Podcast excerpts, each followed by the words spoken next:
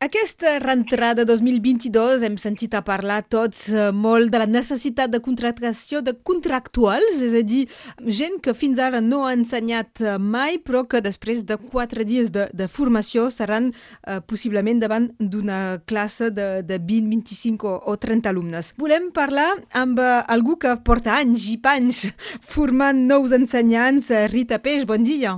Bon dia. I doncs de parlar de, de què és la, la formació i de uh, fins a quin punt és, és necessària o com, com imagines que es pot trobar una persona que descobrirà una classe quasi per primera vegada? Mm, potser tranquil·litzar els pares que ens escolten en un primer temps.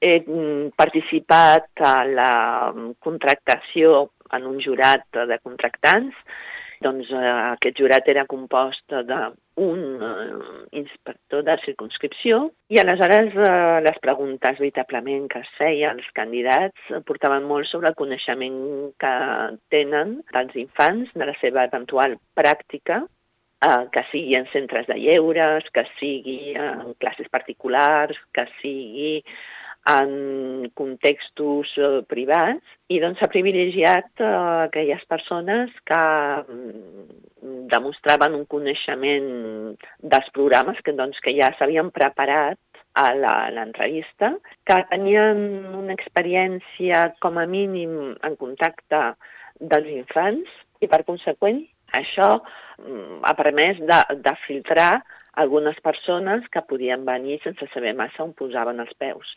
És a dir, els candidats tots sabien on posaven els peus i hem tingut, per exemple, he tingut alguna candidata que tenia classe, que mm, ha obtingut el seu màster 2 i que per conseqüent ha tingut una formació durant dos anys de preparació a les proves del concurs, però també que ha estat en contacte durant les pràctiques acompanyades aquesta vegada amb màster per titulars. Doncs normalment tenen tots un mínim de bagatge per trobar-se davant a una classe. Això dit, és segur que no és una situació ideal. Uh, és una situació que permet uh, posar una persona davant els alumnes que amb la millor voluntat del món doncs, eh, farà el que podrà a partir de les seves coneixements i competències. Podríem dir que eh, sobre un any, eh, ja que hi ha una bossa de gent que, que se sap que potser no han tingut el,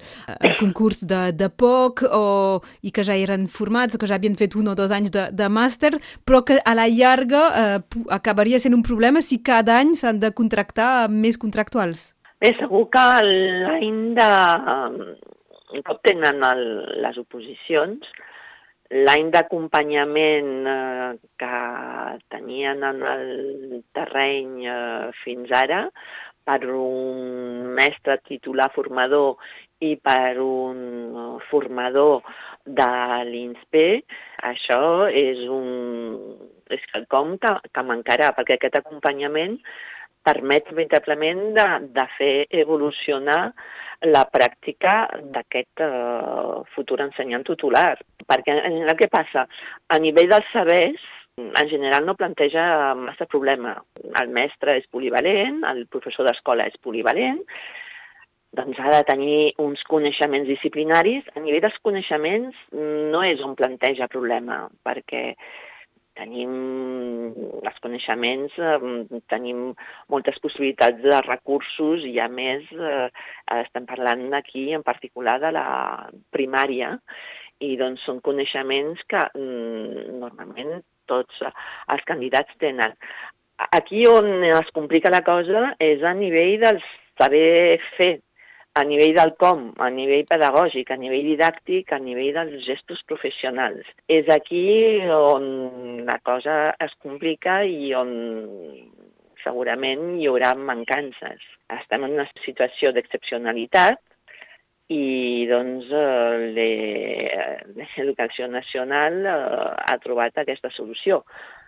També demostra que la crisi actual de vocacions de cara al, a la feina de, de professor de les escoles o profes, ensenyament en general, poc importa el nivell. Això és una cosa que, també... que s'ha vist a venir en, amb els anys, és que, que, és que aquests darrers anys has notat en l'alumnat que, que s'està formant per ser professor eh, menys dedicació o, o, o menys candidats?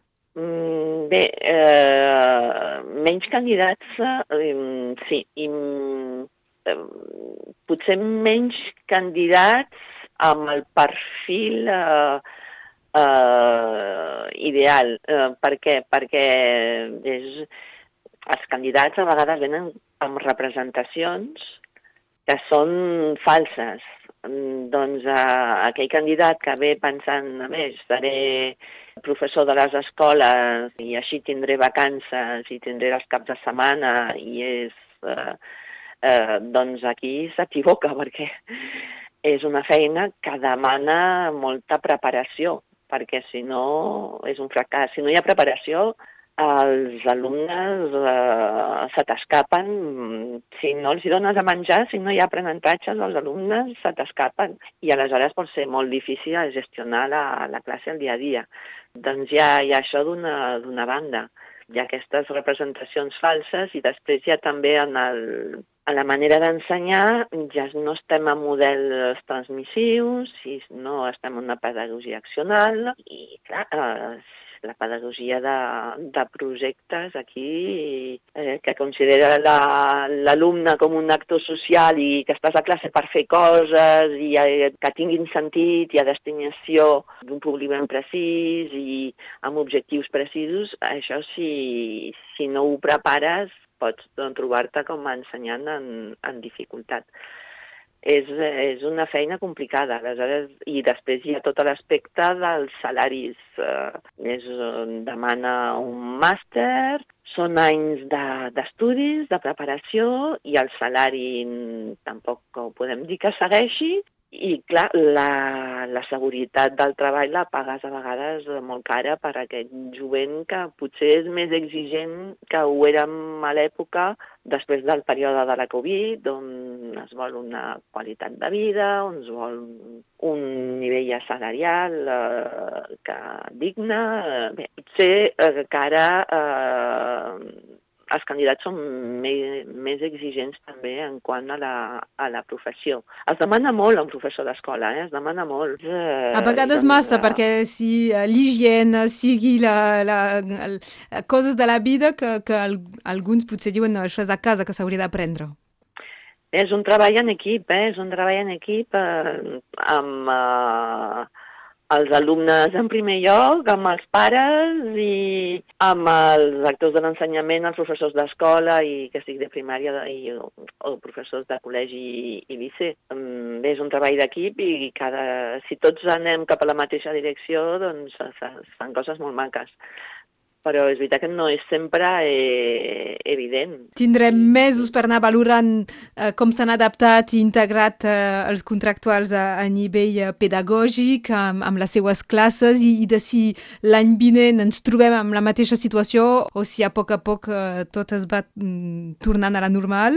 En tot cas, avui volíem fer un punt just per aprofitar aquest període de, de reentrada del punt de vista d'una formadora d'ensenyants des, de, des de fa anys, la, la Rita Peix. Moltes gràcies gràcies, Rita. De res, moltes gràcies a tu. Fins aviat, adeu. Gràcies. Adeu.